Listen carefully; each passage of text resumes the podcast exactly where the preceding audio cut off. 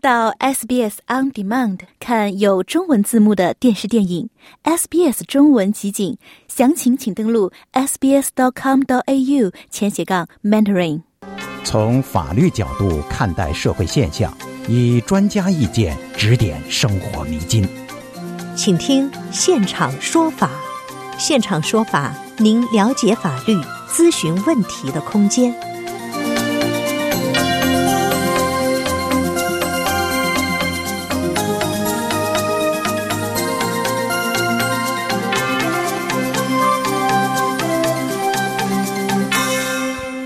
听众朋友您好，欢迎您继续收听 SBS 普通话为您带来的现场说法听众热线节目。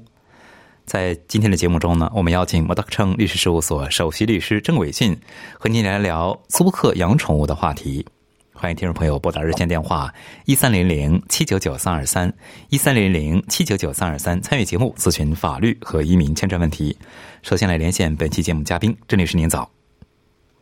喂，你好，非常感谢郑律师做客我们的节目哈。嗯，这里是有这么一个案例哈，那就是在南澳的阿德莱德，一位租客在租房子的时候呢，嗯，他被迫做了一个让他心碎的决定，那就是放弃养他的宠物猫哈。嗯，就说真实案例案例中哈，房客被迫放弃他的这个宠物，这里是根据您的了解，如果是在新州的话呢，嗯，就是说租客存在这方面的问题吗？租客养宠物方面有什么规定吗？啊，这宠物的那个规定的话，是按照州法来去决定的。嗯，啊，那如果是在新州和维州为例的话，他们是呃不可以呃直接去拒绝呃一个房客来去养宠物的。那当然签租约的时候是需要先申报啊，他们是呃即将会养宠物或者是搬进去的时候会带着宠物进去啊，可是。如果他们原始是有这样子申报的话，呃，房东不可以因为这个理由，嗯，之后来去取消他的租约，或者是呃被迫他把那个这宠物把它拿走。嗯，呃，那如果呃是那个房东是允许这个租客来去呃养宠物的话。那他是可以通过那个租约，呃，要求就是他搬走的时候，强制性的要求他们去做一个是比较专业的那个洗地毯的那个清洁的这个费用是需要他们来承担的。可是以外的话，那当然如果宠物是有损坏，呃，这这个房产的之类的，这个是跟普通的那个流程一样。租客必须要去赔偿这个房东，可是如果单凭是说可以还是不可以去养这个宠物的话，那他们是呃，首先是必须呃，必须在租约里面注明是同意还是不同意。那如果是呃不同意的情况之下，那他们需要去呃，是向房东去申请，呃，是日后如果他们要新买一个宠物，那他们要提前先向房东申请才可以。哦，就是说，其实就是说，租客在租房子之前，在新州和维州哈，在租这个物业之前，首先要跟房东说清楚，他是计划养宠物或者是不养宠物，要说清楚，对吧？对对，这个是要说清楚的。对，虽然说这个入住之前说自己不计划养宠物，但是入住之后，比方住了两年，然后呢，计划养宠物了，也需要跟房东提前申请的，房东不同意也不能养，对吧？啊，对，没错。嗯，啊，对，可是这除了这房房东。不能在那个呃协议里面，这注明是不允许的情况之下，你还是需要去注意说这个，呃，这如果你是住公寓的话，那公寓的那个大楼的规定有没有注明说他们可以还是不可以养宠物？一般来说也是会说可以养一些小的宠物的，比如说呃猫狗或者是鱼之类的啊。可是呃他们可能会有一个呃许可或者是一个登记的一个手续。那租客的话，就算他们的那个租赁合同是允许他们养宠物的，他们可能也是要去按照那个大楼的那个规定去向他们去得取这个许可或者是登记。嗯。处于房东的这个角度来看，哈，就是说，虽然说这个租户没有跟自己说养宠物，但是呢，他比方说通过一些其他的渠道了解的信息，说租客可能是养宠物了，这个时候房东可以要求租户披露自己是否养宠物的信息吗？在租房的过程中，是可以的，因为就呃，如果他那个租租赁合同是注明是不允许养宠物的话。那这个呃，如果他们之后有发现的话，那这个就是一个问题。啊，那他们是呃，房东是可以以一个违约的一个呃呃一一个方法来去确认说那个租客是否有养宠物。嗯。呃，如果呃他们是嗯自派那个中介过去，当然是可以去检查呃看看有没有呃自有宠物的痕迹的，对啊。可是他们也是可以要求那个租客来去申报他是否有宠物宠物的。嗯，那么宠物呢，给就是说养宠物的人带来欢乐，甚至给邻居带来欢乐的同时呢，往往呢也可能哈会给邻居带来一些麻烦，或者给自己主人带来一些麻烦哈。如果住在公寓里边。自己不满邻居养的宠物带来的麻烦，这个时候该怎么办呢？呃，那这个的话，就是你你原始，如果你是租一个就公寓之类的话，呃，里面的大楼肯定是有一个规定，就是说你不能去呃骚扰或者是打扰到你旁边的那些租客或邻居。啊，那呃，这就算是你本人或者是你的宠物都造成别人的那个骚扰的话，那也是有违反到那个大楼的那个规定。那呃，相对来说，如果你违反大楼的那个规定的话，就等于说呃，你是有违反到你这个租约里面的那个条款。啊，所以是说，呃，是呃。如果房东或者是如果你自己的宠物是一直有在骚扰到别的邻居，比如说声音或者是呃，是爬过去对方的阳台啊之类的这种动作的话，那房东是有权利去阻止呃这些事情再次发生的。嗯，包括可以就是取消合约是吧？对，这这可以取消合约，可是就嗯，是在新周围的话就不可以说啊，这他们可以说啊，你原始有申报你是没有宠物的，然后之后你是违反了那个条款，可是如果这个租赁合同是没有写明说有宠物还是没有宠物的话，那只能提前改正是吧？对，只能提前改正。对，嗯。非常感谢郑伟军律师给我们介绍的相关的知识哈，听众朋友，您正在收听的是 SBS 普通话现场说法听众热线节目。刚才呢，郑伟军律师和您聊了一聊租客养宠物的话题哈，欢迎听众朋友继续拨打热线电话一三零零七九九三二三一三零零七九九三二三参与节目咨询法律和移民签证问题。接下来我们来接听听众电话，这位是张先生，张先生您好。哎，你好。哎，你请讲。哎，郑律师和主持人好啊。你好。啊，喂，我是在维州哈，有个法律问题想咨询一下啊。我想问一下啊，维省的最高法院的 order 它一般有没有有没有有效期？啊，你说法令的一个 order 吗？对对对对，法对法庭的 order。法令的 order 是呃是有一个有效期的。啊，可是就是看你是从哪一个法院啊，然后那个呃，是 order 里面的那个内容。那一般执行的话是可以到达六七年左右，可是有一些低等法院的那个判决的话，可能只会有三四年的一个有效期。嗯，哦，这么短呢？就 county county 就低等法院是三四年对吧？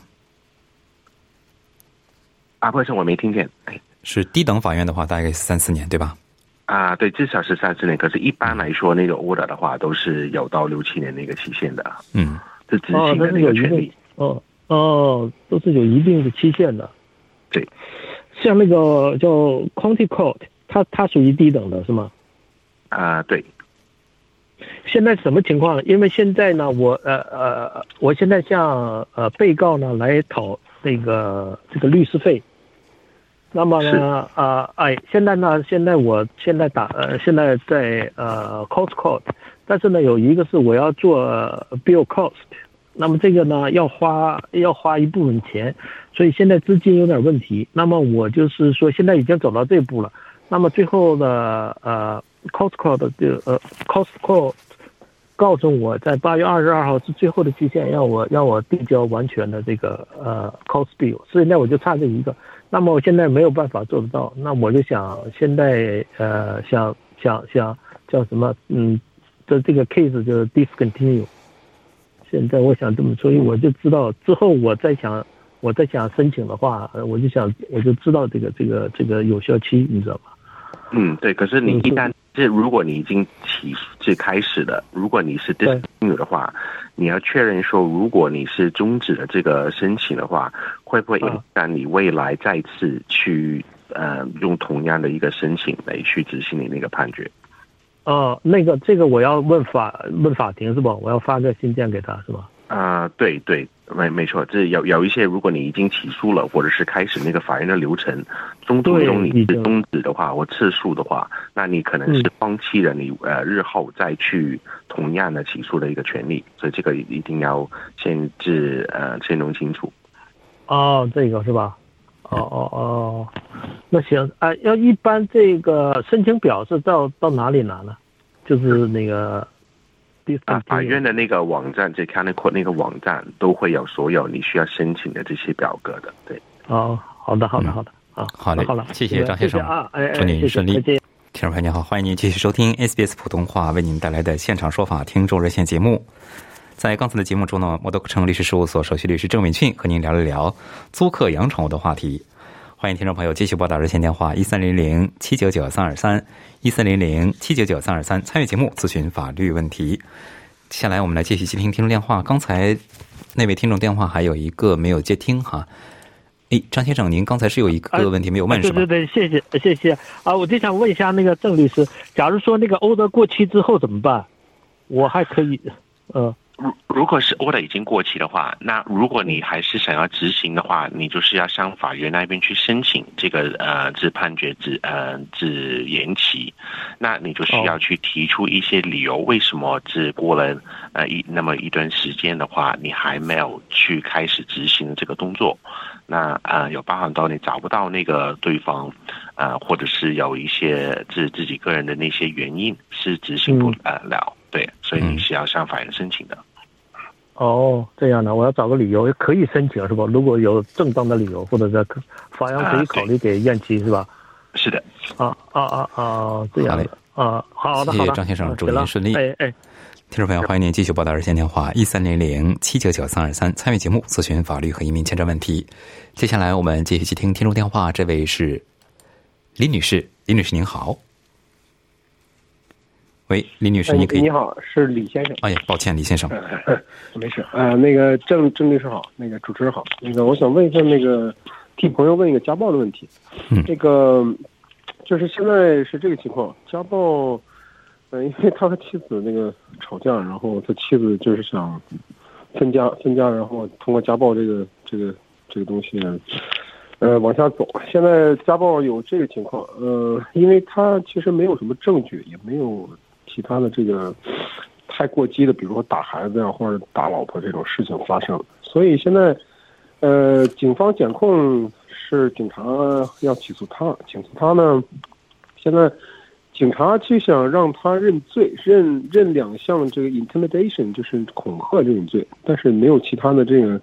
common assault 这些东西。我就想问一下他，因为他问我就是。如果是有这个 common 呃就没有 common assault，但是有这个 intimidation，如果他如果认了罪，是不是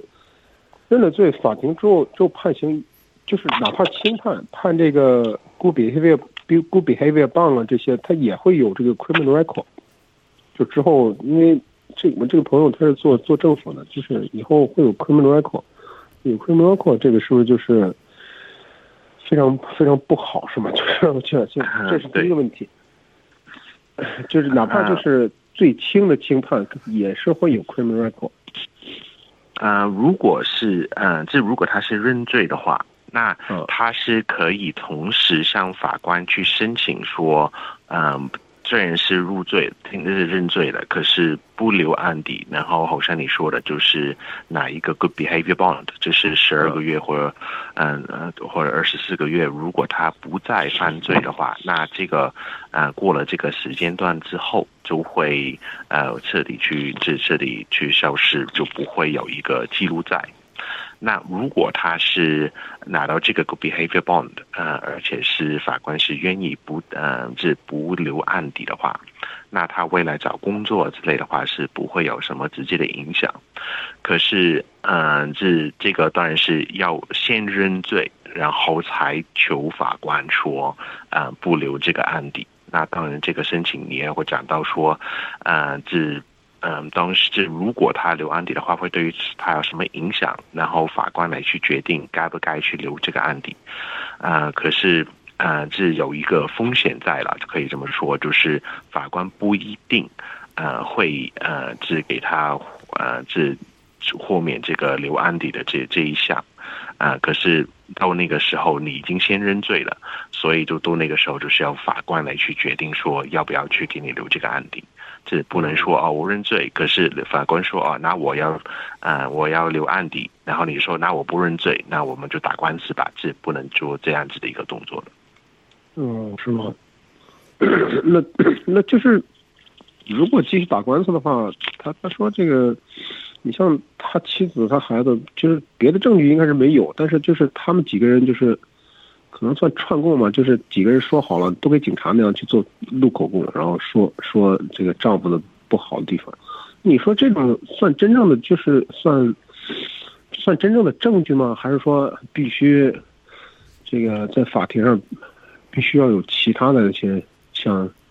呃第三人这种证据，或者说有什么录音证据，或者说视频证据，或者其他证据才真的算证据？还是这个就已经可以算证据了？啊，如果是有证人在口头上描述当时的那个情况的话，这些也是呃，也是法院会接受的一个证据。如果那个证人是在场的话，啊，那比如说受害者啊，或者是嗯，是当场也是有第三方在的话，他们的那些证据的话，法官还是会去接纳的。对，啊，但如果只是那个受害者的话，那对，那嗯，他们的那个证据实际上也是会被。法院接纳的，那只是说，呃，如果是没有比较客观的或者是第三方的那些证据的话，比如说，啊，录像啊，或者是啊，第三方呃不是家人的人有观察到之类的，他们那些证据的话，那法官就是要衡量说，啊，单凭呃受害者呃是一面之词足不足够来去呃是满足。刑事法的这个呃，这证证据的那个门槛，那就是说，是呃百分之九十以上，这个事情的确是有发生的啊。那如果呃的法官觉得那个受害者描述的那个情况什么的都是可信的，然后他也相信当时的确是有呃发生这些事情的话，那他也会接纳这个证据。嗯，是吧？嗯。行，那就大概明白了，谢谢。好嘞，谢谢李先生咨询，祝您顺利。那么，听众朋友，欢迎您继续拨打热线电话一三零零七九九三二三一三零零七九九三二三参与节目咨询法律和移民签证问题。接下来我们接听另一位张先生的电话。张先生您好。啊，喂，是我吗？哎，是您，张先生，您请讲。啊，你好，我我想咨询一下，就是其实我是呃，我本身就是自己就是 property manager。然后我想咨询的一个法律问题是，当我在做合同的时候，因为我们是用系统系统做合同的，所以说当关于宠物的时候，如果他对方没有宠物呢，我的另外一个同事他他的一般的做法是他会 tick 那个这个呃就是这个这个这个这这个条款就 not available，嗯，但是我现在遇到一个问题，就是他去他 tick 在系统当中 tick 了这个 not available 之后。它这个条款在合同打印出来之后，就是自动被划掉的。那么现在呢，我的一个问题是，呃，这个租客呢，他当时进去的时候他是没有宠物的，但是他在进去期间呢，他是有宠物的，而且他也没有跟我说过，就是我们在做 routine inspection 的时候发现他有宠物。Alright，他现在那个，因为根据法律呢，就是如果你有宠物的话，你退租的时候你必须要洗地毯。比如说他现在凹做呃退租的时候，他也没有洗地毯。然后我做凹勾印的时候，发现他地毯上有一些动物的一些呃印记。所以我就想问，在这种情况下，呃，我如果就是去 tribunal 要求他呃提供洗地毯或洗地毯的相关证据的话，这个还有效吗？因为那个，因为主要因为合同当中的那个条款被我同事做合同的时候被划掉了。嗯，那他们去把那个，嗯，是把那个公寓交回来给那个房东的时候，需要是一个，嗯，是他的那个，嗯，他那个，呃，property 应该是要清洁好的。那当然是，呃，如果没有宠物的情况之下，你是不能强制去要求他去找一个，呃，专业的一个人来去洗地毯。可是如果你现在是发现了他是有的确是要养宠物的话，而且，是需要他们去呃做那个 professional cleaning 的话，那你是可以通过 tribunal 去提出这个要求的。但是，即便他那个那个条款被划掉了，我依旧可以提出这个要求，是吗？对，这你是可以解释给那个 tribunal 听说，这当时他申请的时候，呃，这这个是呃，这他们申请的时候是没有申报有这个宠物存在的。嗯，所以这个呃，这当时才把这个花掉，啊，是，对啊，是，呃，可是是为了未来比较方便的话，你可以在你们的那个日后的那个合同写说，啊，就注明说你申报是你没有宠物，可是如果你要宠物的话，那啊，这房东有权利去强制性要求你去，呃，这呃交交回来。呃，把那个房子交回来之后，强制性要求你去洗那个地毯，你可以留这么的一个条款在。那未来的话，你去执行的时候就会比较比较好去执行。嗯，OK OK，好，谢谢。另外，另外，我想给那个 SBS 提一个建议。那个，其实我觉得就是因因为我在这一行也工作了十多年了，然后然后我发现很多华人，特别是新来的那些学生，他对那个法律意识是非常淡薄的，包括那个租客，包括了房东。所以我建议 SBS 能有一个专门针对于租房的一个那个听众热线。哎，好嘞，非常感谢张先生您的建议哈。OK，大家走，谢谢。好嘞，谢谢张先生，祝您顺利。那么，听众朋友，欢迎您继续拨打热线电话一三零零七九九三二三一三零零七九九三二三来参与今天的现场说法听众热线节目，来咨询法律和移民签证问题。接下来，我们来接听 Angela 的电话。Angela 您好，久等了。张律师，早上好，主持人早上好。你好。我想问一个问题，关于也是租房子的。嗯。呃，就是我在十天前租了一个房子，然后呢，就是这个合同属于律对方律师交给我们的，我们这边也都签好字返还回去了。然后中介呢也把钥匙给我了，银行担保我也做好了，嗯，店呢我也连好了，但是现在已经十天过去了，迟迟收不到对方房主的，就是那个签就是交换合同嘛。然后现在我不知道我是不是应该继续下去，因为如果我要现在设计，嗯，突然间我们这个的话，我会损失很大。嗯，这种情况我该怎么办呢？我是继续等呢，还是说我不用等了？中介跟我说不需要等房东的签字就可以继续了。他说这个合同已经成立了。对，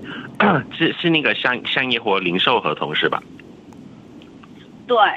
啊，对，这如果你已经呃完成了你那一边的那些责任的话，就是比如说啊，就是你把所有的合同签署了，保险买了，银行担保都已经支付了给对方，那对方那边释放了钥匙给你的话，那就已经是开始去履行这个合同了。那当然是呃流程上，对方房东那一边的话是需要把那个合同签。签回来之后拿去注册，然后注册再给给你提供这个版本，啊，可是呃，他们现在呃是房东要去完成这些步骤的话，的确时间是比较长，有时候他们也是要通过那个抵押银行那一边去啊批准他这个租约的话，才能去签署回来一份给你。所以，如果你已经拿到钥匙的话，那这个的话已经是房的那边去默认，就是说这个租约可以呃，这已经有法律效力了。只是说他签回来的这个动作的话，就是呃比较呃这时间上比较久而已。嗯，所以嗯对，这你可以呃这最好是书面上。跟那个中介去确认，就是说你现在这边还有没有什么事情需要去做的？因为你即将就会去做装潢，或者是因为这个呃是租约来来去呃是执行比较大的一个开销。那如果呃有什么问题的话，就是要提出，不然的话你就会进行。那如果租客啊，这那个。呃，中介那一边都说了啊，是没问题，只是说房东那边签回来那个速度比较慢而已的话，那你是可以依赖着这个邮件来去进行你下一步的那个计划。嗯，哎，这来清楚吗？就是说我给他的，呃，我我跟中介联系的方式不是邮件，是那个短信，呃。对方中介给我回复就是说不需要等等待任何房东的签字，这个合同已经生效了，我该干什么就干什么了，这我就是说可以继续了，对吧？我什么都不用理他了。呃，对，那当然那是，如果他嗯，继续还是要是要确认那个合反悔呢同了啊。如果是反悔的话，那继你是续反悔，我产生的损失，啊因为这个不可能不以防万一嘛。因为我的装修队一旦进来的话，我现在这一个设计图，我的一个 deposit 就是差不多要设计费要付两万。嗯嗯就是我这个钱一旦交了，对方就说，如果我一旦终止了，这两万块钱是绝对不会返给我的。对，那如啊、因因为你们已经嗯、去履行这个租约了，那如果嗯、对方之后返回来说哦，我这边还没有签，啊，这个租约是没有法律效力的话。但是没有这个书面上的那个呃租约的话，双方已经达成协议了，就是那个租金呃，就是那个租约里面的条款已经达成协议，啊、然后你也是开始去履行你那个合同的那个责任，对方那边的话也释放了钥匙给你，就是默认了你可以搬进去，然后按照这个租约去走，啊、就是那个条款去履行双方的那个义务，所以对方那边要去撤回这个权利的话是很困难的，啊、这你是如果到那个时候你是可以向法院去拿一个呃拿一个声明，就是你这个租约是有法律效力的，啊、或者是如果你到那个时候觉得是对方违约的话，你也是可以向要对方去赔偿你啊、所有的损失，包括那个。啊，支付的那个状况那个定金，或者是你之前所支付的这些费用。OK，好的，明白了，感谢呃非常感谢郑律师。好嘞，谢谢郑了，祝您谢谢顺利。那么，听众朋友，欢迎您继续来参与现场说法听众热线节目。接下来这位听众是陈先生，陈先生您久等了。啊、你好，我想问一下呢，就是有关这个 Strat 哈，我这座楼是八家的 owner，那现在我们老上那个要油漆的，就是屋顶要上要修理哈，修理呢，其中有三家的 owner 欠了几千块钱，他不交，啊，不交的话，那那个那个私家的经理说，我说我们又不认识那那个那个是那个二的哈，我说你有责任去追，把这钱追回来，交起来，我们怎么修一一家那个平分多少钱？但是那个私家团里面经理说他找不到，叫我们去找。我说我又不认识二的，二的本身也不住在这。那像这种情况的话，他叫我们五家人出钱把它修，那我们觉得这个合理不合理？因为他们三家那个欠了几千块钱不交，怎么办这个问题？嗯你那个 strata manager 的话，是他如果你们的那个 owners corporation 是已经，呃，是有一个决议了，就是每一每一个 owner 需要去支付多少钱来去做维修啊，或者是，呃，是通过那个费用来去支付给那个 owners corporation 的话，那如果他们是要欠款的话，你的那个 strata 的这个委员会是可以向他去，呃，是去法院那边去起诉的。啊、那相对的那个费用的话，都会有那个呃 owner 来去支付。那就算是找不到这个人的话，通过那个 local court，啊、只需要去把那些信件发到那个 owner 的那个地址就可以了。那你们 owners corporation 会有一个是业主的名单，名单下面的话就会有各自的那个地址。嗯那呃，就是你去那个地址找不到那个本人的话，可是那个业主是有义务，呃，是去如果他是搬走啊或者什么，他是要更新这个地址的。那如果他是没有更新那个地址，owners corporation 是可以按照那个地址来去提出诉讼。啊、然后呃拿到判决之后，就是通过法院那个执行的那个流程，强制性要求对方去支付这个费用的。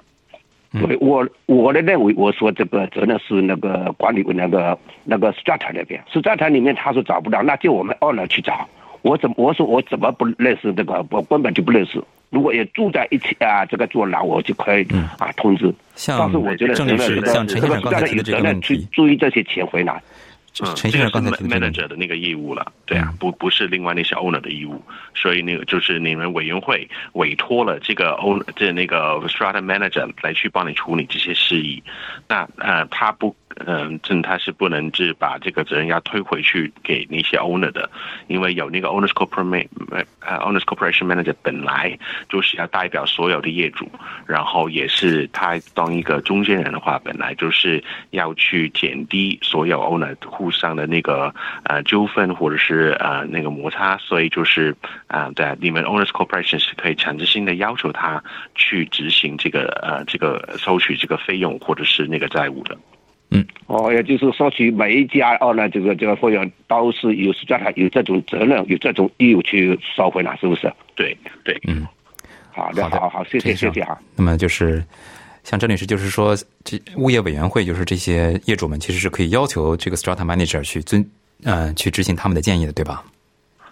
对，没错。这如果他们有个决议的话，任何签那个 owner corporation 签的那些业主的话，都是需要通过那个 manager 来去执行的。非常感谢郑伟军律师做客今天的现场说法听众热线节目，也非常感谢听众朋友们两个小时的陪伴。因个人情况因人而异，法律问题复杂，本节目仅供一般性参考，并无意提供任何个案法律建议。具体法律纠纷，请您咨询专业的律师。喜欢、分享、评论，欢迎您在 Facebook 上关注 SBS 普通话页面。